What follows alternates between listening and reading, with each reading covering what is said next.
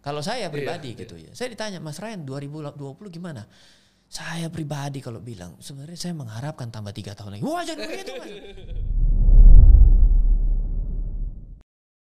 Halo semuanya hamba cuan, jadi kembali lagi di podcast saya. Kali ini kita kedatangan tamu yang luar biasa, Ko Ryan Filbert. Jadi beliau ini udah tulis sampai 18 buku. Kalau kalian datang ke Gramet, lihat bukunya tuh semua buku Ryan Filbert. Mau apa sebutin aja, bandarmologi semua ada ya bukunya lengkap. Jadi ini memang sudah sangat terkenal juga di dunia pasar modal, dunia investasi, dunia trading. Udah lama juga jam terbangnya udah jauh dibandingkan saya yang saya masih 20 tahun ini saya ibaratnya saya masih kencing di SD aja dia beliau udah trading di forex dan di saham gitu. Jadi ya tanpa lanjut lagi, eh, selamat datang kok. Yes. Ryan. Saya kayak dari tadi suruh manggil Timothy itu saya nggak berani. Saya panggil Mas aja lah ya. Oke, Mohon maaf itu. Gak masalah. yes, oke. Ya. Manggil nama agak susah ya kok soalnya. Iya udah biasa Udah gitu. biasa. Oke, siap Mas. Oke, jadi eh, Korain ini sebenarnya gue pengen tanya kok. Iya. Eh, Korain ini dulunya kenapa sih awalnya nyemplung sebenarnya di pasar modal? Apakah pertama ngeliat saham? apakah trading saham? Apakah lihat forex atau gimana? Awal mulai itu gimana? Iya sebenarnya ketika saya umur 18 tahun dulu ya, saya ketika 17 tahun yang lalu gitu ya. Jadi Lama tuh 17 ya. tahun yang lalu, saya ini kan salah jurusan. Saya ini sarjana seni rupa, Mas. Seni rupa. Sarjana seni rupa DKV Trisakti angkatan tahun 2004. Seni rupa terus pindah tiba-tiba ke pasar capital cer- market ya? nah, ini ceritanya seru. Jadi ketika saya umur 18 tahun itu saya salah jurusan, saya lebih sering di Roximas daripada di Trisakti. Oke. Di Roximas ngapain? Saya dagang. Dagang dulu Da- jadi. dagang jualan online. Jadi kalau orang hari ini jualan online zaman sekarang, itu buat saya zaman dulu sudah saya lakukan.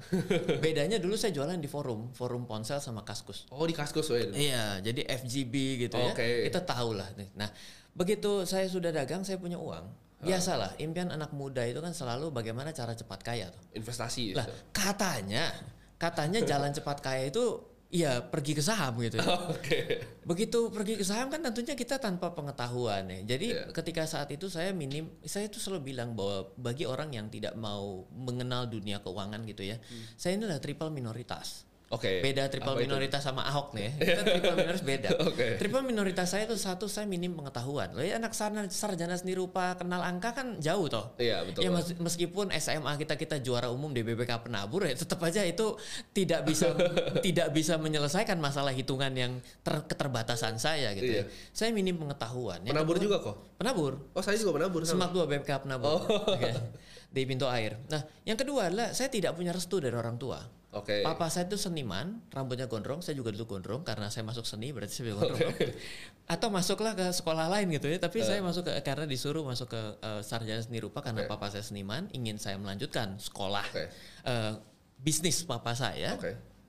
Papa saya punya keyakinan bahwa sebentar lagi kalau lihat saham pasti bangkrut.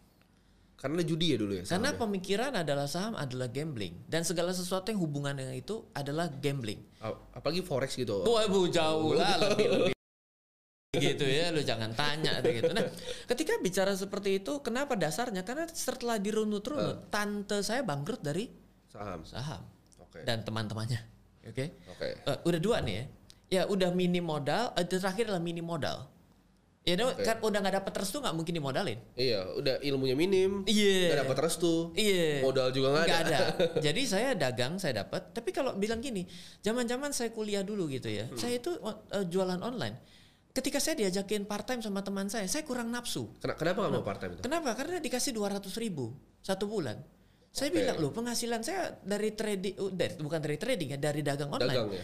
Eh, dagang is trading. Dagang is trading. ya? Iya, tapi dagang online itu di forum. Saya 30 juta per bulan. Oke. Umur du- umur 18 2004 itu harga 30 juta beda hari ini loh. Iya lumayan tuh. Hari ini manajer 30 juta bos. Iya. ya artinya matters banget dulu Iya, gitu ya. Jadi saya begitu punya, saya mau ke mana ini? Masuk deposito. Enggak jalan-jalan duitnya. jalan. Nol belakang koma ini yang jalan. Depannya enggak. Saya bilang ini ada yang salah nih saya bilang. Kapan gua kaya? Katanya beli saham bisa kaya. Oke. Begitu mau beli saham udah banyak obstacle-nya dibeli nggak kaya juga ternyata gitu ya. Nggak kaya itu. Nggak kaya juga. Kenapa? Kita nggak ngerti metodenya apa. Oke. Kita nggak tahu metodenya. Begitu beli buku Semangat 45, kita ini bukan Rojali. Rojali itu kalau toko buku namanya rombongan jarang beli. Heeh. Dia bukain covernya orang, dia baca di tempat. Heeh. Saya anak baik. nggak berani. Udah nih beli dulu. Beli dulu sampai diskon pulang. Kata kata pengantarnya pun gua nggak ngerti bos. Lu kata pengantarnya lu bayangin ya buku kata pengantar pun udah nggak ngerti. Udah ngerti. ya? Karena apa? Karena emang nggak tahu apa-apa. Iya. Nah, jadi kalau dibilang sampai kenapa kenal dengan saham, jawabannya adalah pada saat itu karena merasa punya ambisi, ngerasa kayaknya kok ini barang tanda kutip sulit sekali dipelajari buat makhluk awam seperti saya. Heeh. Saya struggling di situ. Oke. Belajar nggak ngerti nggak ngerti saya habisin tuh buku. Oke. Dihabisin aja pokoknya buku. Habisin aja. Entah mau dibakar, mau dibuang kan habis yang penting. Nah, kita udah pelajari nggak ngerti kita catat. Apa ada seminar dulu mahal sekali seminar-seminar itu. Itu mahal ya? Nggak ada cerita seminar sejuta itu nggak ada. Nggak ada ya? Nggak ada. Itu minimum 12 juta di upselling lagi kurang ajar. belajar juga kita belajar dari luar negeri. Kita Oke. kita paling dekat saya ingat dari Singapura waktu itu. Dari Singapura ya? Saya pergi. Pada hari itu tuh temanya saham sedikit, Mas. Banyaknya itu options. Oke. Dulu Korean itu di saham itu trading atau Oh, investing? pasti orang itu kalau pertama kali kenal jarang yang bisa langsung invest kecuali punya kemapanan finansial. Iya, iya. Kenapa? Karena kita ngelihat nggak gerak. Ya karena pengen cepet kaya, nggak Iya, grafik kan? iya punya duit 100 ribu, mau beli saham apa mau naik 100% pun jadi 200 ribu, nggak ngerasa. Oke. Dan sama uang pada waktu itu 20-30 juta buka rekening. Oke. 20-30 juta tuh udah buka rekening pulang diomelin bapak gua. Oke. Jadi kok kok- pokoknya intinya Korean dari awal nggak ngerti nih, terus mulai belajar semuanya sampai ikut seminar-seminar yang mahal banget ini, Iya. Akhirnya bisa tuh kan di saham. Perlahan-lahan mulai ngerti, oh ternyata membeli mahal dan jual murah Oke. tuh kayak gini. Beli mahal, beli mahal lagi, jual mahal gitu gimana? Itu belajar pelan-pelan. Interestingnya kan sebenarnya banyak yang eh, orang awam mungkin bilang trading itu judi kan. Padahal kalau misalnya kayak Korean bilang tadi kan Iya. jual jualan online tuh it's trading gitu, beli lebih murah, jual lebih mahal kan. Apa pun dalam hidup kita bisa dijudiin. Iya sebenarnya. Caranya gampang, saya bilang yang keluar dari ruangan ini pertama saya apa cowok? Kita judi yuk mau nggak? Saya bilang laki nih, gue bayar sejuta. Kita judi mendadak. Iya. Apa pun dalam hidup Bisa kita dijudi. bisa dijudikan. Iya. Jangankan omongan trading. Kata-kata trading itu trading apa? Iya setuju. Trading online. Semua Yes. trading online hari ini. Iya. Marketplace emang situ nggak jualan online. Iya itu trading juga. kan Trading sebenarnya? online kan, Iya. gitu. Iya, jadi pemahaman kita yang terlalu kecil inilah yang kadang-kadang membuat sesuatu menjadi buruk atau baik adanya. Iya sih. Itu habis Korean tuh ibaratnya udah ngerti saham nih. Iya. Tapi yang uniknya nih kan misalnya kayak saya pribadi ya, ini Iya. saya contoh saya pribadi, saya di saham, eh, saya belum terlalu ngerti-ngerti gimana, tapi udah cukup ngerti lah. Saya ini eh, masih belum nih ibaratnya masuk ke dunia forex. Kenapa Korean yang dari saham tadi, misalnya udah udah ngerti nih seluk beluknya saham, kenapa mau transisi ke forex? Iya. Pada akhirnya gini ya, ketika kita kita harus tahu bahwa yang namanya capital market itu pertamanya adalah primary product. Yes, Primary product itu cuma dua, yaitu saham dan obligasi. yes, Nah, bila Anda sudah mengenal dua primary ini, maka sebenarnya ada derivatif lainnya. yes. Derivatif itu adalah sesuatu yang bisa Anda gunakan untuk meleverage. Margin itu jurus meleverage paling konvensional. Coba boleh dijelaskan kok sedikit tentang derivatif. Mungkin banyak yang bingung nih derivatif Oke, apa nih? Gini, derivatif itu adalah yang harganya bergerak karena harga utamanya bergerak. Gampang nih. Jadi Ya. misalnya gini, meskipun tidak serta merta bisa disebut sebagai instrumen derivatif, reksadana adalah derivatif. Yes. Kenapa? Coba saham tutup seminggu, reksadananya gerak nggak? Lu tungguin aja, tungguin.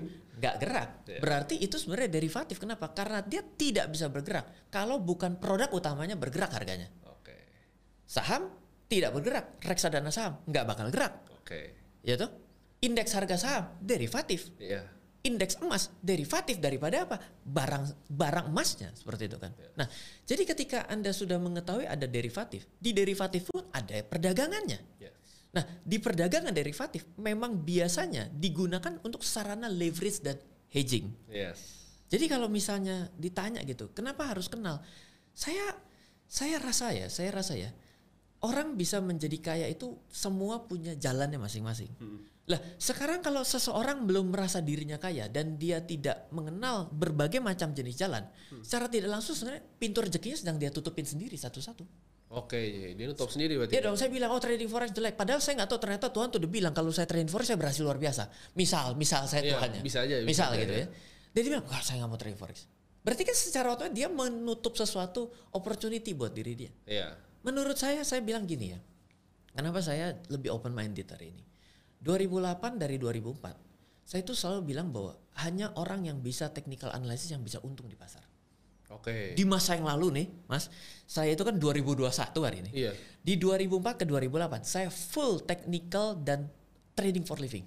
Sebenarnya mas, saya, saya unik juga. Saya juga sebenarnya sama tapi kebalikan. Tahun Ah. 2018, saya itu benar-benar nggak percaya namanya teknikal. Saya percaya bahwa semua itu karena fundamental. Jadi kan Menarik ya. Benjamin Graham banget. Oh, Oke, Eh, oke, oke, Jadi, nice. ya. iya, Jadi saya- kita jadi berantem nih. Kalau ini boleh berdiri dan sebenarnya kita jadi berantem. Kenapa? Waktu dia fundamental banget, Iya, kalau- saya lagi teknikal banget. Bener, kalau bisa kita ketemu dulu mungkin berantem ini. Kita Karena- berantem betul. Karena merasa lebih bener gitu kan. Yes. Tapi setelah saya pelajari ternyata ilmu tuh jurus nggak cuma satu ibaratnya. Di Dan bisa belajar jadi banyak. kita lagi nggak cocok dengan strategi itu. Betul banget. betul. Makanya kan ini lagi nutup pintu rezeki buat kita. Dengan kita itu bilang bahwa ini jelek, ini bagus. Setuju banget. Kalau saya, saya jalanin aja. Kalau misalnya saya tanya, apakah trading forex orang tuh bisa kaya? Kalau benar-benar pelajarin. Oh banyak. Ternyata Banyak banyak, ya? Saya punya teman nih. Hah. Ketika saya itu masih setengah-setengah punya keyakinan di dalam dunia forex, dia itu sudah trading for living dari forex. Oke, udah Dia trading for living ya? Mungkin ada yang kenal namanya Kanggun. Oke. Kanggun itu BBMA. Ini murid utamanya Kanggun yang ngajarin saya. Pada hari itu saya bilang, tapi ini zero sum game bos. Mm-mm. Jadi sekitar 2006 gitu. Nah itu kalau misalnya itu eh, menurut uh, Korean gimana tentang zero sum game di forex ini? Iya gini, di forex memang orang datang memang siap untuk kalah. Oke, datang untuk udah siap untuk kalah. Hedging itu adalah orang datang siap untuk kalah. Ya.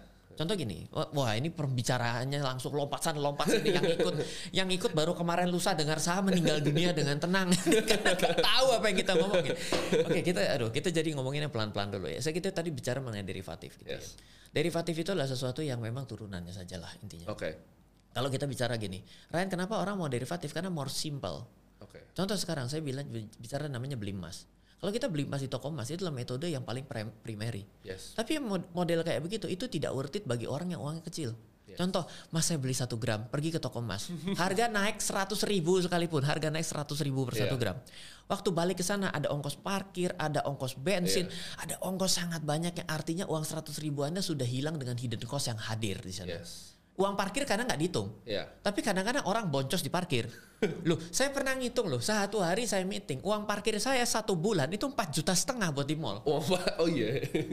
Saya bilang, gila nih saya bilang kalau kayak gini. Mulai besok gue jalan kaki saya bilang.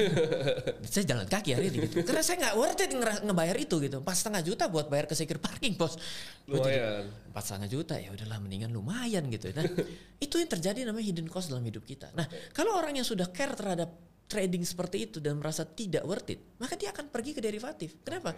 Karena derivatif itu hanya bicara spotnya saja. Iya. Sebenarnya saya I don't care terhadap barangnya saya bawa pulang. Ya. Gini, saya bilang saya mau beli emas satu gram. Kalau saya sudah punya toko emas yang paling percaya, saya terpercaya di dunia dan seakhirat. Saya yakin sama toko emas itu. Saya bilang, saya telepon, emas saya, uang saya transfer. Emas kamu taruh di sana. Ya. Bulan depan nih, bakal ada bom. Cerita, cerita. Iya. Ceritanya saya sangat, sangat, sangat tahu akan kejadian di dunia. Bakal ada bom. Harga emas akan naik kan. Berita buruk tuh selalu naik mas. Pasti naik ya. Selalu, oke. Selalu naik. Selalu terjadi begitu. Begitu bulan depan saya bilang, saya jual emas kamu, tolong jual emas saya, tolong transfer balik duitnya. Oke. Kalau punya toko emas terpercaya. Kalau punya. Kalau ya. punya. Pertanyaan toko emas bakal per- bisa dipercaya berapa kali? Nah itu dia. Lama-lama dia bilang, hmm, Ryan kayaknya salah terus. Gak usah saya beliin emas ya. Iya. Akhirnya kan saya lawan dia kan? Lawan dia. Ya. Betul ya? Itu transaksi kenapa derivatif ada. Yes. Karena kita bicara mengenai care terhadap perubahan harga.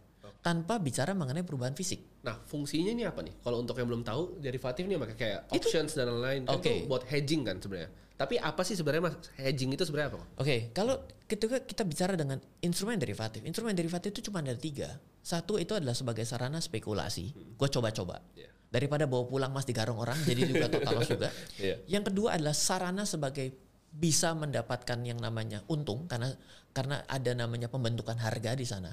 Karena pembentukan harga itu kadang-kadang jadi nggak tahu yang mana duluan. Harga emas dunia itu secara buy buy sell-nya itu diminati dulu atau pasar turunannya kita nggak pernah tahu sekarang. Sudah begitu cepatnya. Yes. Yang terakhir terakhir adalah hedging itu sendiri. Hedging itu kalau orang berpikir oh membeli emas adalah lindung nilai, itu metode hedging yang lain. Yes. Hedging yang lain begini. Lalu kita tahu ada petani kopi. Petani kopi itu pingin panen tiga bulan lagi. Pertanyaan saya, apa doa dia kepada Tuhan selama tiga bulan? Panennya baik-baik saja. Iya. Yang kedua, tolong harga kopinya naik. Iya dong. Gak ada. Ya Tuhan, tolong panen gagal. Gila. Gila. Gila itu orang. Oke. Berat. Tapi semua orang tahu bahwa panen bisa gagal. Tahu ya. Oke. Berarti ketika kita bicara mengenai petani kopi ini menginginkan kenaikan harga dan kenaikan harga dan juga dia baik-baik saja bisa panen. Yes. Pertanyaannya, bagaimana dia kalau ternyata terjadi yang namanya penurunan harga? Tidak bisa dipikirkan. Iya, betul. Jawabannya harus dilaksanakan dong. Dipikirin doang kan nggak muncul solusinya. bisa, iya. Mungkin dia mengasuransikan. Iya. Oke, tapi asuransi pertanian hari ini tidak semua jenis agricul- agriculture bisa. Iya. Tapi kalau kita pergi ke futuresnya ataupun Iya. derivatifnya ataupun kontraknya terhadap kontrak kopi dunia Iya. itu ada. Ada. Jadi begitu dia mengambil dia mau panen pilihannya naik berarti pilihannya adalah dia sebagai penjual barang. Oke. Tapi di derivatifnya dia ambil kontrak sebaliknya. Sehingga apa? Sebenarnya salah satu dari transaksi ini pasti rugi kan? Pasti rugi ya. Makanya hedging saya bilang. Orang kalau pergi dia bilang adalah zero sum game. Loh, di satu tempat ada orang yang mengharapkan dia rugi. Iya pasti ada. setuju, setuju. Padahal kita bilang, kok saya nggak masuk akal ada orang yang bisa bisa bilang yang namanya mengharapkan rugi. Loh iya kenapa? Karena dia untung di tempat lain dan rugi di sini. Itulah Iya, hedging. iya. Hedging itulah meniadakan risiko. Betul. Jadi bila Anda mengatakan zero sum game, ya bagi Anda iya. Betul. Bagi orang di seberang Anda, bisa jadi dia memiliki emas. Sengaja ya. Dia sudah pegang emasnya. Dia ambil sell. Iya, makanya konsepnya namanya kalau fund yang besar di luar negeri kalau kalian tahu namanya hedge fund. Hedge fund. Karena konsepnya hedging tadi. hedging. Yes. Jadi ketika kita mengerti konsep ini, kita jangan pernah pikirin kantongnya orang. Betul. Kalau kita pikirin kantongnya orang lawan kita berpikir apa, semua akan jadi Yes. beda. Kita selalu berpikir, oh dia akan lebih baik dari kita. Yes. Saya begitu rugi, dia diuntungkan. Lah, kita nggak pernah tahu. Yes, betul banget. Dan itulah pasar yang ada. Betul. Jadi kalau misalnya sudah begitu blend- blending jadi satu, ya sudah kita tinggal ikutin kita punya game plan apa. Saya selalu bilang, Anda menjadi investor dan trader, menjadi pebisnis sekalipun. Kalau Anda masuk ke heksagon pertandingannya orang, Anda sudah setengah kalah. Jadi yang namanya orang kan kalau tanding kan sekarang mixed martial arts Iya. gitu ya. Itu kan adalah di heksagon tuh. Yes. Yang paling diuntungkan Anda bikin heksagon sendiri di rumah. Iya. Udah tahu bagian ujungnya mana yang karpetnya nggak oke, matnya nggak bagus, Anda tanding ngajak orang di dalam situ. Iya. Kemungkinan Anda menang lebih banyak. Yes. Kenapa? Karena Anda sudah menguasai medan. Iya. Nah, dalam Anda berinvestasi dan trading pun konsepnya sama. Kuasai medan ya yang penting ya. Anda punya me- Anda punya gaya medan pertempurannya, Anda tahu landscape-nya sendiri. Lakukan saja. Nggak Oke. perlu ikutin. Kenapa harus ngikut kalau belum tahu apa-apa? Oke. Keep follow dulu. Kalau ini kan untuk mungkin kita tarik sedikit balik ya mas. Ini kan uh, Korain tadi udah jelasin banyak soal derivatif, ada futures, ada call options dan lain-lain. Kita coba tarik balik ke forex nih misalnya. Iya. Saya kan sebenarnya saya open juga, saya open banget untuk event belajar tentang forex. Kalau misalnya di forex untuk pemula banget nih, Iya. saran dari Korain itu apa? Untuk yang pemula banget nih. Oke, jadi saran pertama bagi pemula, jangan berpikir bahwa yang namanya forex itu memang betul high risk high gain udah pasti. Iya. Tapi forex itu jangan dipikir bahwa dengan modal yang kecil Anda bisa mendapatkan uang yang besar. Oke, Ini adalah mindset yang keliru oke, yang menyebabkan orang itu lupa bahwa yang namanya forex itu adalah pasti tra- setiap transaksinya itu dipinjamin oleh broker uang. Yes. Contoh, satu banding 100. Artinya apa sih? Dipin- dengan kata-kata dipinjamkan, satu banding 100 di forex itu artinya adalah modal Anda satu. Broker Anda bayarin 99 -nya. Seper 100 Anda bayar. 99 per 100 yang bayar adalah broker. Berarti kan leverage-nya besar dong. Yes. Daya ungkitnya besar. Itu ibaratnya Anda mau ngebangun sebuah rumah makan. Rumah makannya itu modal 100 juta. Modal Anda cuma 1 juta. Ada bandar yang bayarin bandar 99 ya? bandar duit, bandar duit Iya. yang bayarin 99 jutanya. Berarti secara diri Anda ketika rumah makan itu mendapatkan keuntungan 1 juta, buat Anda pribadi itu udah berapa? Iya. 100%. Di mana forex itu adalah kalau untung itu full di, kita dikasih loh Iya. tanpa suruh bayar yang 99 ya. Yes. Jadi bayangkan yang namanya instrumen derivatif di bursa berjangka seperti forex. Itu adalah Anda buka rumah makan di mana rumah makan itu modalnya 100 juta. Anda cukup bayar 1 juta. Kalau ternyata rumah makannya untung 1 juta, 1 juta ini dikasih full buat Anda. Oke. Berarti returnnya adalah 100%, loh. Iya. Kalau misalnya margin yang ideal lah untuk pemula itu berapa mas? Margin. Iya. Oh, eh, sebenarnya gini, ini dia. Ketika kita berada di indus- industri eh, derivatif di forex ya tentunya, Yes. ya, rule of game-nya itu ada tiga, yang orang tidak bisa pahami dengan baik. Satu adalah contract size, yang kedua adalah leverage. Oke. Iya leverage-nya berapa tuh mas? Kira-kira? Nah, yang ketiga, yang ketiga itu setelah contract size adalah lot. Oke. Oke. Nah, jadi kita harus bicara gini. Sebenarnya dengan leverage 1 banding 100 dan 1 banding 500 itu tidak ada pengaruh. Oke. Semakin Anda besar dengan menggunakan 1 banding 500 itu semakin aman. Oke. dari gejolak pasar. Tapi yang salah orang ketika dia merasa bahwa saldonya masih banyak, dia pencet tombol makin kencang, buy untuk makin kencang. Dia pencet tombol buy banyak, dia ngerasa saldo masih banyak, Oh, saldo masih banyak. Padahal dia nggak tahu kalau ternyata semua yang dia pencet buy itu sama-sama turun, turun. dia punya modal langsung digerus. Margin call ya? Ah, gitu. Iya. Jadi ketika karena apa? Yang menjadi jaminan uang hanya satu juta. Ya. Logikanya gini, Ryan, waktu turun kenapa kenapa harus kenapa jadi margin call? Kenapa jadi masalah? Gini, waktu saya buka restoran 100 juta, saya cukup bayar satu juta.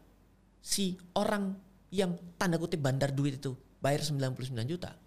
Ketika harganya turun Iya. satu juta, saya langsung ditelepon. Eh, saya nggak mau, men- saya tidak mau meresikokan uang saya yang 99 juta. Iya. Uang satu juta kamu sudah habis. Satu juta topat bang. Iya. Jadi masalahnya itu orang fokus ke yang 99 jutanya. Woi, bukan duit lu, woi. Iya. Itu cuma alat bantu agar kita itu lebih kompetitif dalam perdagangan industri derivatif ini. Tapi orang itu serasa yang 99 modalnya dia. Punya dia. Itu penyakit orang trading forex mati tuh di situ. Oh, oke. Soalnya kalau di saham kan margin biasa orang kali tiga gitu. Ah, itu ngikutin haircut. Iya. Ketika haircutnya berapa, dihitung balik masuk ke dalam. Iya. Ah, itu masuk di- menjadi leverage-nya kita. Yes. Kenapa? Karena marginnya kan. Tinggal T, T plus 1, T plus 2 harus di-execute. Yes, betul. Beda cara berpikir leverage-nya. Iya. Berbeda berpikir marginnya. Orang berpikir leverage 1 banding 3 itu adalah ketika saya masuk, saya boleh, saya 100 juta, saya bisa transaksi 300 Yes. juta. Itu di saham, Di saham. konsepnya seperti itu. Iya. Di instrumen derivatif yang lain, cara bacanya beda, Beda. semua. Iya. Orang pasti mati di sana kok. Oke. Kalau misalnya kita udah tahu nih tadi misalnya cara misalnya kita pakai leverage-nya gimana, Iya. kontraknya gimana. Gimana caranya ibaratnya untuk pemula belajar forex itu apakah kita harus pakai technical, benar-benar pure technical Iya. atau mungkin ada ngelihat some kind of macro play Yes, atau yes, apa? yes. Gitu. Itu Iya. gimana, Mas? Jadi gini, semua orang punya gaya tarung masing-masing. Jadi em, saya yakin betul kenapa saya itu nggak pernah memaksakan orang untuk ke semua ke sebuah instrumen. Oke. Karena saya punya keyakinan bahwa saya itu hanya punya kewajiban untuk mencarikan melatih seseorang untuk bisa punya gaya bertarung dia yang paling kuat yang mana. Oke. Oleh karena itu saya kalau tanya aliran Ren apa? Saya banci saya bilang. 100% saya banci tulen. Kenapa? You name it instrumen dan strategi apa? Saya akan jelaskan. Oke. Oh berarti yang lu punya mana? Saya ada, saya kasih lihat nih. Saya pakai swing trading yang ini. Saya pakai moving average 10, exponential moving average 30, moving average 60, emang moving average 200. Ah. Setelah itu ditambah untuk melihat kejenuhan pasar bagaimana. Oke, kalau misalnya tidak melihat volume trend, silakan menggunakan yang namanya stokastik. Oke. Itu technical analysis. Oke. Tapi apakah cocok untuk setiap orang? Belum tentu. Nah, ini kan banyak ibaratnya pemula ini even nggak cuma di forex ya di mana pun yang Iya. ada candlenya orang tuh tends untuk mencari satu winning formula gitu loh kayak Iya. ini bisa dipakai terus. Itu menurut Korain ada atau itu mitos doang gitu. Saya nyari itu dari umur 18 tahun. Hmm. Se- sorry itu saya belum ketemu. Kayak satu satu yang orang bilang "Pak, nggak ada kan sebenarnya kan. Gini sekarang pertanyaan gampang buat yang punya keyakinan itu. Hmm. Saya mau tanya olahraga bela diri terbaik apa? Ayo jawab. Ayo suruh jawab. Iya. Coba di kolom komen gue mau dengerin. Nanti gue pantauin. Channelnya apa? Nanti gue Iya. pantau. Nanti gue tanya di sana. Apa? Bilang. Taekwondo. Coba itu digebukin Iya. sama orang boxing, profesional boxing ya kan? Iya. Bilang apa? Karate. Coba lihat ketemu orang taekwondo. Iya. Judo. Coba cari nan- nanti diadu sama orang lain. Iya, iya. Gak ada. Nggak ada. Yang ada adalah orang yang tepat dengan kemampuan yang tepat. Tepat. Iya. Jadi kita cari gitu loh. Kalau kita itu ya, untuk pertama newbie yang nggak tahu datang dari mana, tiru dulu. Tiru dulu Jadi ya. amati, tiru, Tiru, modifikasi. modifikasi. Tiru oh begini. Begitu ngelihat nyobain gitu ya. Tiap kali pakai jurusnya dia kita deg-degan, Nggak nggak pas nih berarti. tidur susah. Ya berarti nggak cocok tuh strategi. Oke, kalau misalnya yang strategi yang Korain pakai sendiri nih Iya. di, di forex trading tuh apa? Apakah yang tadi bilang moving average dan- lain-lain Oke. atau eh, biasa ada yang even gak suka lihat indikator, ada yang lebih suka lihat price actionnya doang gitu. Boleh saja. Atau strategi apa sih yang Korain pakai itu? Baik, saya kalau cerita ya eh, di okta.id gitu, saya suka Hmm. ngobrol gini. Saya buat pemula, saya memaksa mereka untuk care terhadap harga. Care terhadap harga ya? Jadi saya tidak memi- memaksa mereka membaca indikator. Oke. Kenapa? Tiba-tiba mereka berpikir ada indikator terbaik di dunia yang dia tidak tahu dan dia cari. Oh iya itu Holy itu. Grail. Iya itu Holy Grail itu penyakit saya nggak mau. Saya paksakan orang itu untuk care terhadap harga. Mungkin Oke. disebut dengan price action ya. Iya. Tapi misal contoh gini, ambil yang paling gampang, menggunakan support dan resisten. Oke. Tapi kadang-kadang orang kan nggak berani narik garis karena dia ngerasa salah. Iya. Dan iya kan? Iya, Kan semua orang pemula narik garis selalu ngerasa salah. Iya. Kita yang udah 18 17 tahun tetap salah. Gue udah 17 tahun gue salah juga kemarin. Trading minggu kemarin itu tiga posisi loss semua. Tapi saya bilang, kalau bisa kena stop loss, kalau bisa kena taking profit, Anda benar. Iya. Iya dong. Benar benar. Yang yang salah itu gak bisa kena dua-duanya. Gak bisa kena, Lu salah. tahu. Iya. Ilmu paling jago kayak apa lu salah. Iya. Jadi ketika ki- kita bicara mengenai price action ini, saya bilang oke pakai support resisten. Tapi saya pemula Ryan. Oke, mari kita cari sesuatu yang bisa kita baca sama-sama. Oke. Contohnya apa? Fibonacci itu kan kita bisa sa- baca sama-sama. Oke. Bisa kita bilang, kalau Fibonacci yang kita baca itu adalah dengan har- harga tertinggi dan terendah satu bulan. Semua orang pasti bisa menemukan harga tertinggi dan Pasti. terendah dalam satu bulan. Tinggal ditarik jebret. Dan sepakat kan? Iya. Nah itu menurut saya kita mulai dari sana. Dengan Oke. strategi sederhana seperti itu kita selamat kok sebenarnya. Oke. Jadi kita tuh nggak perlu terlalu apa ya, nggak perlu terlalu takut, Hmm. tapi juga nggak perlu terlalu jagoan. Oke. Kenapa orang yang terlalu pede hasilnya itu bukannya berhasil, tapi dia itu jadi halusinasi. Halusinasi ya. Once anda 100% pede, yang benar itu adalah anda 80% pede. Kenapa? Karena 100% pede, halusinasi itu. Oke. Saya yakin berhasil. Wah dia ngerasa kayak udah bisa ngangkat trofi. Belum mulai pertandingan bos. Kan ada yang namanya itu Dunning-Kruger effect kan? Yes. Eh, Nah itu banyak kan di forex tuh, trader-trader forex pemula tuh. Merasa udah jago banget tuh, padahal karena hoki aja kebetulan gitu misalnya. Yes, gini. Jadi sebenarnya itu akan terjadi dalam kehidupan kita. Hmm. Ketika kita itu baru mulai, kita itu seperti kita ini seperti sitting duck. Hmm. Sitting duck itu ya tinggal tunggu ditewak dor mati gitu. Nah, jadi kita itu harus pelan-pelan itu menjadi hunting fox. Oke. Hunting fox itu adalah fox eh, kalian namanya rubah itu. Kalau ngelihat mangsa, itu dia bisa diam satu hari Oke. untuk pasti ngambil mangsa. Oke. Kita pemula itu kadang-kadang ngerasa ya ada namanya dibagi menjadi empat kriteria sih. Tapi kalau misalnya mau dibagi kriteria dengan bahasa bahasanya, yang pertama itu adalah terasa maha tahu. Terasa maha tahu ya. Nah, padahal nggak tahu apa-apa. ya, biasanya ke sana. Setelah dia tahu dia salah, dia akan bergeser. Wah, saya bisa salah nih. Mulai dia belajar. Begitu dia mulai dia belajar, dia akan lanjut lagi. Dia mulai mengenal dirinya sendiri. Oke. Setelah dia mengenal dirinya sendiri, dikasih market apa pun dia, dia bisa kerjakan. Oke. Jadi ada namanya beginner luck. Bedanya pebisnis sukses sama pebisnis yang pemula apa? Pebisnis pemula dan pebisnis sukses sama-sama pernah untung. Hmm. Tapi bedanya adalah pebisnis sukses itu pasti memiliki pola yang diulang. Menghasilkan model-model kesuksesan yang kurang lebih. Yang bisa diulang. Yang bisa diulang. Iya. Kalau pemula itu ya tembakan Sekali maut. aja. Tembakan maut. tembakan maut berhasil. 10 kali berhasil, 10 kali coba 9 gagal, satu berhasil. Hasil. Iya. Ada loh metode trading yang kayak Iya. gitu. Tapi biasanya di counter dengan risk and reward yang berbeda. Oke. Gitu. Jadi ada metode trading yang memang ada orang bilang gini, Ryan, ada nggak sih orang gila yang kemungkinan berhasil 5%, kemungkinan gagal 95%? Ada? Ada ya? Ada. Pertanyaan selanjutnya, kok ada orang bego yang mau ngambil posisi itu ya? Oh, karena sekali berhasil 1000% kok, bos. Lu kalau 10 kali berhasil dari 10 kali keberhasilan, berhasil berapa? 5%. Kali 10 cuma 50%. Iya. Ini satu kali berhasil 1000%. Iya. Dia tembakin kayak orang main jackpot. Des, des, des. Ada.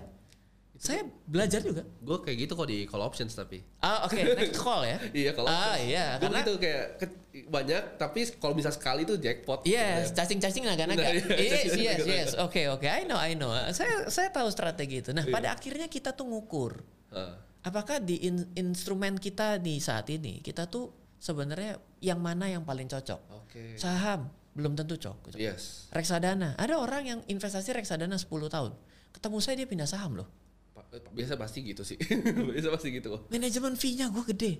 Tapi ada orang yang selama ini saham pindah ke reksadana loh. Oh karena males mungkin. Karena dia selama ini ternyata tidak bisa mengelola emosinya. Oh, Oke. Dia kelola emosinya nggak benar. Saya bilang daripada kamu nanti habis duitnya sahamnya dijual karena stroke saya bilang. Mendingan reksadana. Sedana aja. Loh Pak, reksadana yang mana? Oke. Suka yang mengikuti atau yang mengalahkan saya bilang. Oke. Alpha, Yang meng- alpha atau beta. Iya, gitu. mengikuti. Oke, kalau mengikuti reksadana indeks. Oke. Karena kan mau naik turunnya indeks harga saham Ikutin ngikutin. aja. Suka nyari yang mengalahkan. Oke, mau cari beat the market kan? Oke, yuk kita cari fund manager yang bagus. Oke. Jadi saya ketemu banyak orang. saya tidak mau paksakan apa yang saya pu saya saya bisa. Karena Kenapa? setiap orang beda-beda ya kan. Iya, kita dilahirkan dengan kondisi yang berbeda. Tingkat kekayaan kita berbeda. Pain threshold kita berbeda. Iya. Lalu juga budaya kita berbeda, agama kita berbeda. Lalu saya paksakan. Oh, ho, ho, ho. nanti bisa 10 orang, 9 bisa nyari saya buat bunuh saya. Kenapa? Bah- bahaya. Karena apa? Karena saya memaksakan sesuatu yang nggak cocok buat dia. Dan dia anggap saya benar. Iya. Benar buat saya, belum tuh benar buat dia. Oke. Jadi salah. Jadi nggak nggak selalu harus ikut-ikut ya sebenarnya ya. Tergantung kalian punya profil resiko masing-masing, punya kondisi keuangan masing-masing gitu kan. Ya, Setuju banget. Jadi kalau Korain sendiri, Ya. saran Korain nih untuk pemula nih, dia baru mau ngeliat forex nih, Ya. terus masih mikir tuh kok forex tuh judi. Iya. Forex tuh judi. Dia didoktrin sama orang tuanya, oh jangan deh lu forex Iya. karena teman-teman saya banyak yang rugi segala macam. Iya. Itu saran Korain untuk bikin mereka lebih sedikit open minded tuh apa? Iya, ada satu teman saya yang katanya kalau dagang makanan judi. Yang sekarang dagang makanan ngerasa tersinggung nggak? Tersinggung kan? Dan teman saya nggak mau lu dagang makanan. Iya. Gimana nggak dagang makanan dia bilang judi dia bilang. Lalu kalau nggak laku sore saya mesti makan dia bilang. Iya. Berarti tebak-tebakan dong. Lah iya. Semuanya sebenarnya judi nggak? Lah iya. Apa pun dalam hidup kita ini bisa dijudikan. Iya, kayak Ken Lion juga judi laut kan Nah, sebenarnya. nah iya betul. Kalau Nah, nggak dapat gimana? sekarang gini konsepnya. Saya bilang trading forex itu jauh lebih minim risiko dibandingkan Anda buka bisnis. Itu saya sebenarnya saya setuju sih sebenarnya. Contoh gini. Anda buka bisnis, toko bikin kita kedai bakso lah saya bilang. Bikin kedai bakso, modalnya berapa sih? 50 juta. Ada gerobaknya, ada centongnya, ada mie-nya, ada modalnya, ada logonya, ada spanduknya semua. Iya. Tiba-tiba baru hari pertama mau buka, saya bilang, nggak cocok nih kayaknya sama elemen saya nih untuk dagang bakso. Saya maunya elemennya yang rata, ya kan ada tuh elemennya api, Iya. bola kapas kan semua ada tuh. Oke, nggak cocok nih. Itu absolut loss. Kenapa? Langsung kan hilang. uangnya sudah nempel jadi ba- jadi barang. jadi barang. Iya. Kalau saya trading forex, trading forex saya setor duit 50 juta, seret masukin. Saya bilang besok nggak nggak oke nih, Joe Biden nih kayaknya eh, komen-komennya nih kurang bagus nih buat US dollar nih. Iya. Saya lagi perlu buat yang lain, saya tarik ya, masih bisa. Bisa ya. Berarti modal yang kita sudah canangkan di sana, kita bisa tarik, Tarik at anytime. lagi. Yang kedua sekarang, ketika saya dagang, bakso saya jalanin, hari ini saya untung loh satu juta. Iya. Apakah saya untung Untuk. terhadap modal saya? Oh ya. Belum. Itu namanya menuju break even point. Iya, belum Empat. BP dia. 49 juta lagi pak. Iya, Masih panjang ceritanya tuh. betul Bang. Kalau satu bulan satu juta berarti masih nungguin 50 bulan. Iya, Kalau ada growth. Kalau ternyata slow down, iya. oke. Sekarang saya trading forex. Hari ini saya untung satu juta. Satu jutanya langsung profit, bukan menjadi break even point. Iya, kalau modalnya udah ada. Karena kan waktu kita ada, ya. execute dan selesai, berarti kan uangnya kembali ke ekuitas, Iya, profitnya masih ada, profitnya mau dicabut boleh. yes. Nah jadi ketika saya pertama kali kenal di 2004, 2005 gitu, saya kan juga belajar ya. Di mulai 2005 saya juga mulai telaten untuk belajar forex juga, walaupun ilmu masih separuh, ya kan? Spanyol, separuh nyolong orang punya ilmu. gitu. Saya ajar jadi di situ sebenarnya saya bilang, kok ada orang yang mau buka toko saya bilang. Kenapa? Loh, enak loh. Saya ini paling I hate so much about selling. Hah. nggak kelihatan ya? Nggak kelihatan itu ya. semua orang ketika saya bilang begitu lu tuh penipuan besar loh. Lu bisa disomasi orang. Nggak saya paling benci jualan. Saya paling benci jualan. Kenapa? Saya paling nggak suka barang saya ditawar. Oke. saya nggak paling paling tidak suka barang saya ditawar. Kenapa? Lu saya ju lumayan otak kanan kan jalan. Kita ini sarjana seni rupa.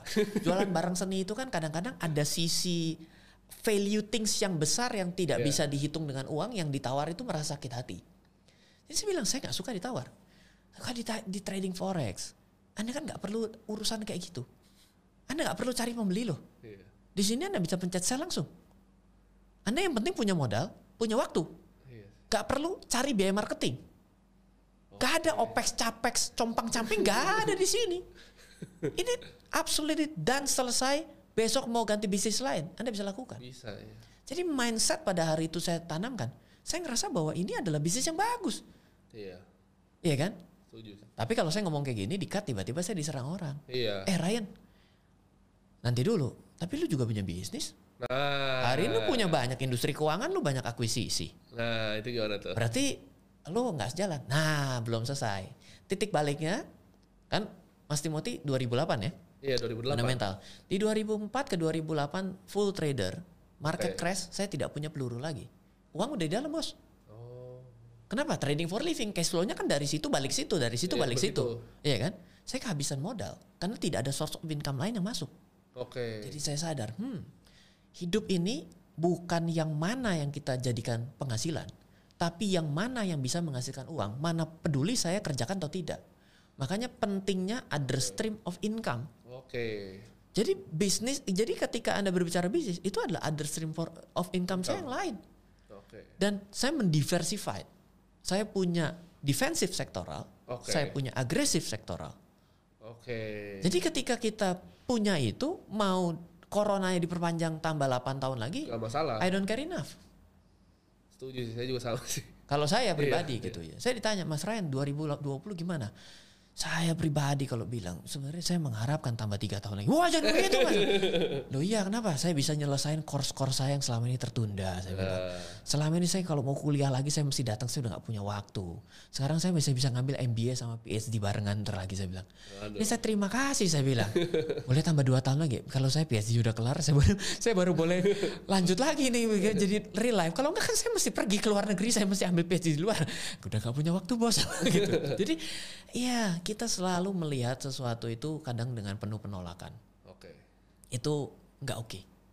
Karena apa? Misal saya nggak suka, saya melihat Mas Timothy ini kok rada sengak. Misal gitu ya, rada sengak nih. Saya kurang suka. Eh belum tentu loh. Ketika anda temui, anda ajak ngobrol, itu bisa jadi berubah. Iya. Itu banyak sekali beberapa klien saya. Itu pertama, saya kira Mas Ryan ini orangnya serius loh. Saya kira Mas Ryan ini orangnya saham tok loh. saya kira Mas ini orang bisnis doang loh. Ternyata Mas ini bisnisnya bukan yang itu. Itu terjadi. Oke oke. Jadi saya tuh tidak pernah sekalipun menutup untuk apa pun saya nggak berkenalan dengan orang lain, berbisnis, trading, instrumen apa pun. Meskipun instrumen paling yang nggak jelas terasa seperti money game pun, saya bilang datang dulu sini. Oke. Mari kita lihat. Kalau ternyata money game, saya cari tahu bagaimana ini tidak money game. Oke. Kenapa? Itulah open minded. Kalau Anda menjadi seorang pebisnis dan jadi seorang trader, tidak open minded, Anda merasa bahwa ilmu Anda paling benar, saya jamin Anda paling salah kok. Setuju sih. saya jamin Anda paling salah. Nah kesaran Korean biar orang tuh bisa mulai open minded tuh gimana?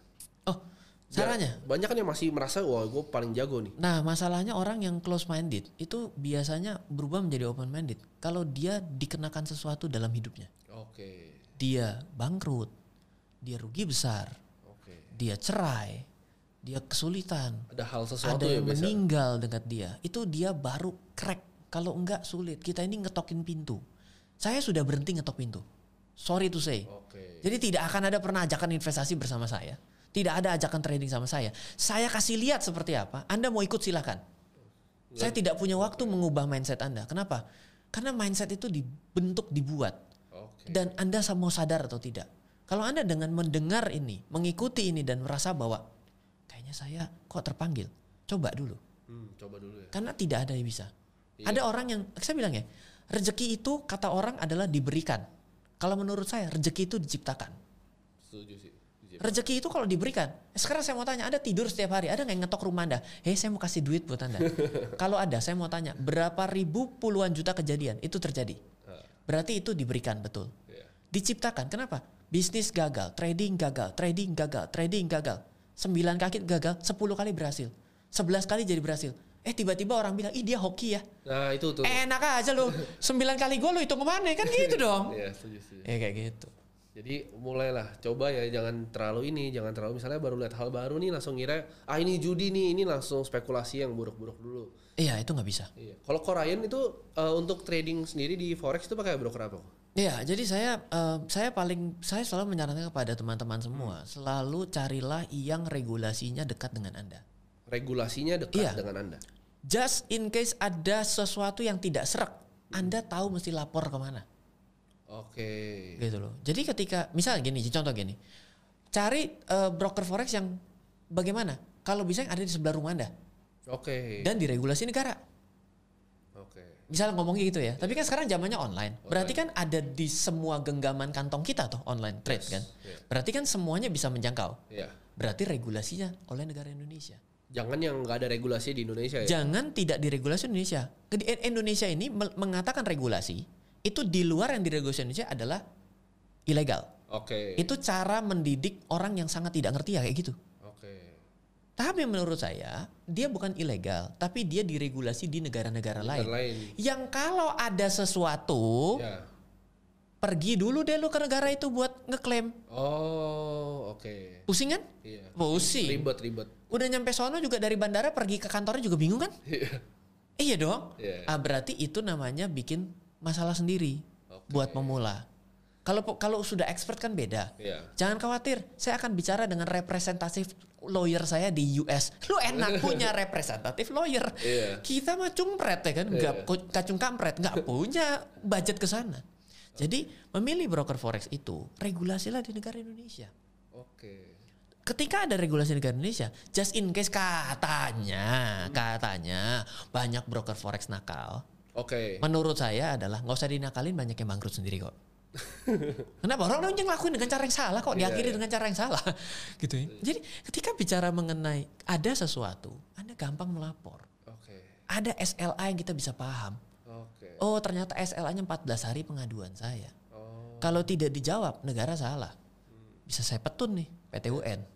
Jelas gitu. Jadi itu bisa kita pertanggungjawabkan. Oke. Anda jadi lebih nyaman. Itu kriteria yang pertama tuh. Iya. Kalau kedua, Bang? Ada? Cerita yang kedua adalah sesuaikan dengan Anda pakainya apa. Misalnya Anda biasa pakai namanya laptop. Oke. Oh berarti Anda harus punya eh, mesti ada aplikasi yang bisa di diinstal dari broker itu pada laptop Anda. Laptopnya, ya.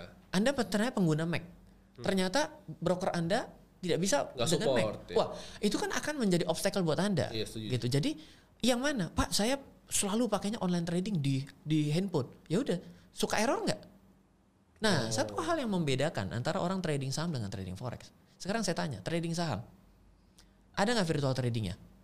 Ada jawabannya. Pertanyaannya, apakah sama persis antara trading saham di virtualnya dengan realnya? Jawabannya tidak. Kenapa? Karena di primary market ada offer dan asnya. Iya. Ada bid dan offernya. Gitu loh. Bid dan offer itu kan artinya tidak bisa di-execute dalam virtual papernya, Iya. virtual money-nya. Nah, kalau di forex, virtual tradingnya tuh ada sama persis. Oke. Jadi boleh dibilang latihan dulu Hmm. sampai modiar Iya. atau sampai untung. Oh, bisa latihan aja gitu ya. latihan dulu sampai untung, silakan habis itu trading forex untuk benernya. Nah, di forex tuh karena sama persis. Anda bisa coba terus, top up terus di virtual sampai Oh. Dapat dapat nih strategi yang gaya Nah, saya. Tapi itu Koren eh, saranin nggak buat orang tuh pakai virtual Sangat, account? sangat, Oke. sangat. Saya pun ketika mendemokan, saya nggak pernah pakai akun real. Kenapa? Oke. Saya mau mengeksplor berbagai macam metode. Oh, kamu nanyanya apa? Saya bilang. Oh, kamu tanyanya adalah pengen buy on breakout.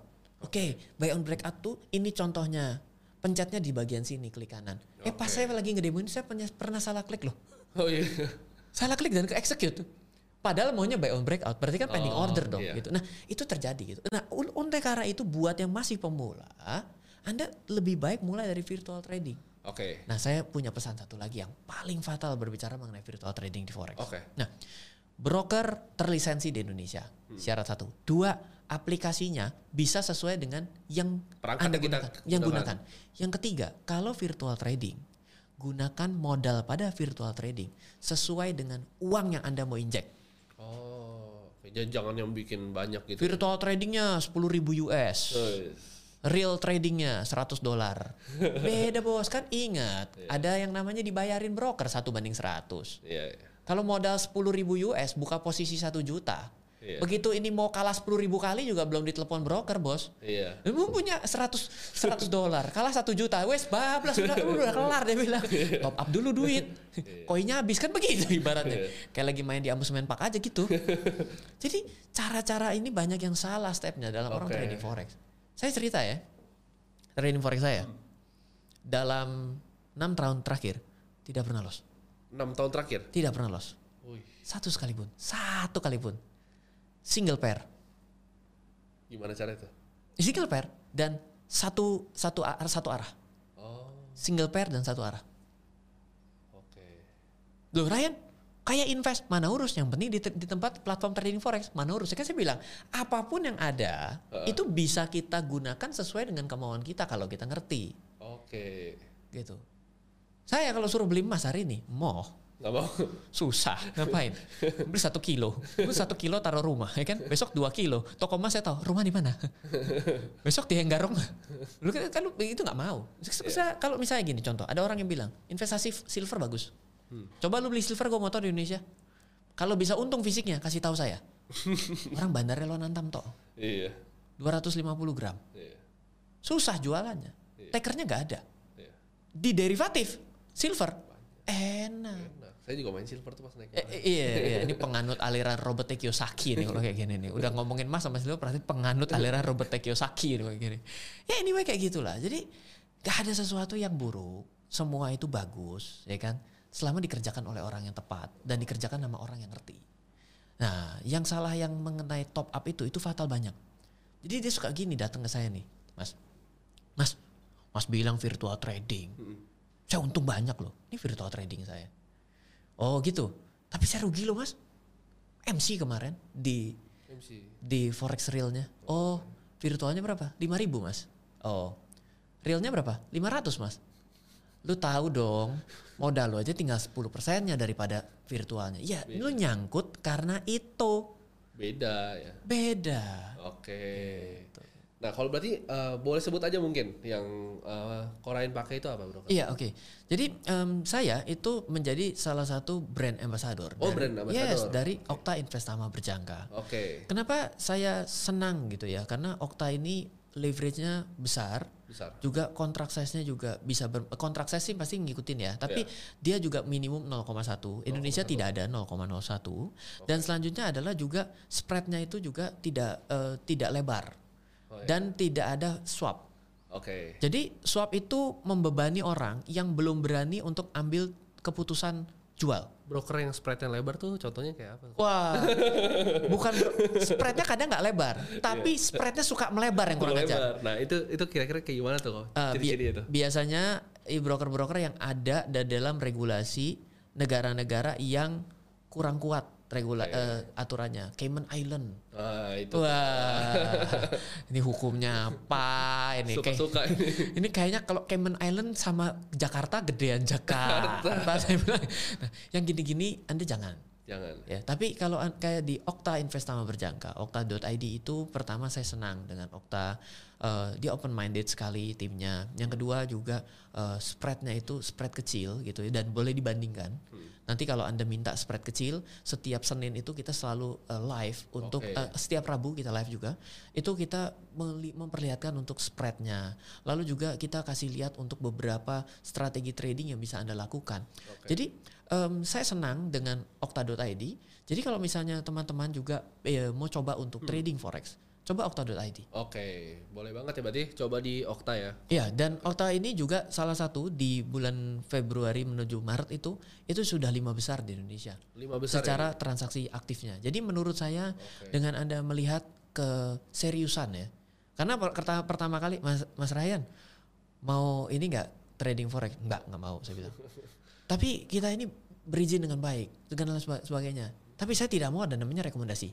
Saya maunya adalah belajar. Oh iya memang kita mau belajar. Oh ya ini ya, ini yang saya cari gitu. Kenapa? Karena ketika kita berbicara mengenai trading, kita mesti mengerti bukan pasarnya, tapi diri kita. Cara mengerti diri kita adalah dengan belajar. Jadi edukasi nomor satu ya kok. Iya, Indonesia itu kan tertinggal. Oke. Ntar netizen banyak yang ngamuk. Oh, eh saya saya punya kredibilitas loh. Saya itu saya itu saya guru dulu. Oh. 2009 saya ngajar. Oke. Saya itu ngajar Olimpiade Matematik juga. Oh. Jadi ketika saya 2008 saya mulai sadar saya itu tidak bisa trading for living saja. Saya mesti punya bisnis. Saya bingung. Saya mesti bisnis apa ya? Saya nggak saya nggak suka saya nggak suka dagang. Oh Oke. ya udahlah. Saya sukanya ngajar. Saya saya senang matematik. Saya Oke. suka saya suka matematika, fisika, kimia, akuntansi, ekonomi. Saya suka sekali. Oke. Saya ngajar. Saya ngajar sekolah. Saya ngajar kuliah waktu itu. Terus saya ngerasa bahwa mak- hari sini pendidikan itu makin turun. Makin turun. Jadi kita dengan dunia yang makin maju, pendidikan makin turun, dengan informasi semakin lebar, terbuka lebar, itu kita tuh dirugikan. Oke. Jadi memang pendidikan kita tertinggal. Dan memang metode pendidikan tuh tertinggal di mana-mana. Coba sekarang saya tanya, waktu belajar ngadep depan papan tulis loh. Iya. Mas Timothy juga gitu toh. Iya. Sama saya juga. Papa saya juga sama. Tapi kan se- semua hal berubah kan. Berubah ya. Orang kirim surat. Sudah berubah hari ini. Gak pakai lagi pos. Iya. Gak ditulis. Gak diketik pakai mesin tik. Gak di print. Pakainya Iya. email. Begitu email ditanya keabsahannya. Namanya adalah digital signature. Iya. Ya kan? Digital signature memastikan keabsahan identitas digital kita. Bener nggak? Nah itu berubah. Tapi di dalam dunia pendidikan memang terlambat. So buat kita yang sadar bahwa kita ini kurang belajar, menurut saya Anda mesti belajar dulu memang. Jadi in- sebenarnya investasi yang penting juga edukasi ya. Iya.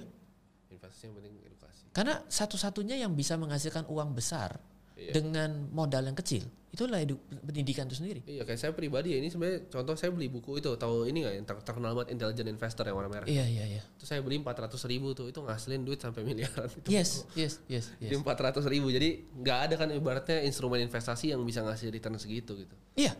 Kenapa? Karena belajar. Karena Kalau nggak belajar itu nggak nggak datang. Setuju banget. Jadi thank you banget Ko Ryan buat Yes. sesi kali ini sangat insightful banget. Jadi kalau kalian mau coba uh, brokernya kita kasih link di bawah buat kalian cek ya di sana nanti okta.id ya. Oke, buat teman-teman semua, terima kasih yang sudah mengikuti podcast ini.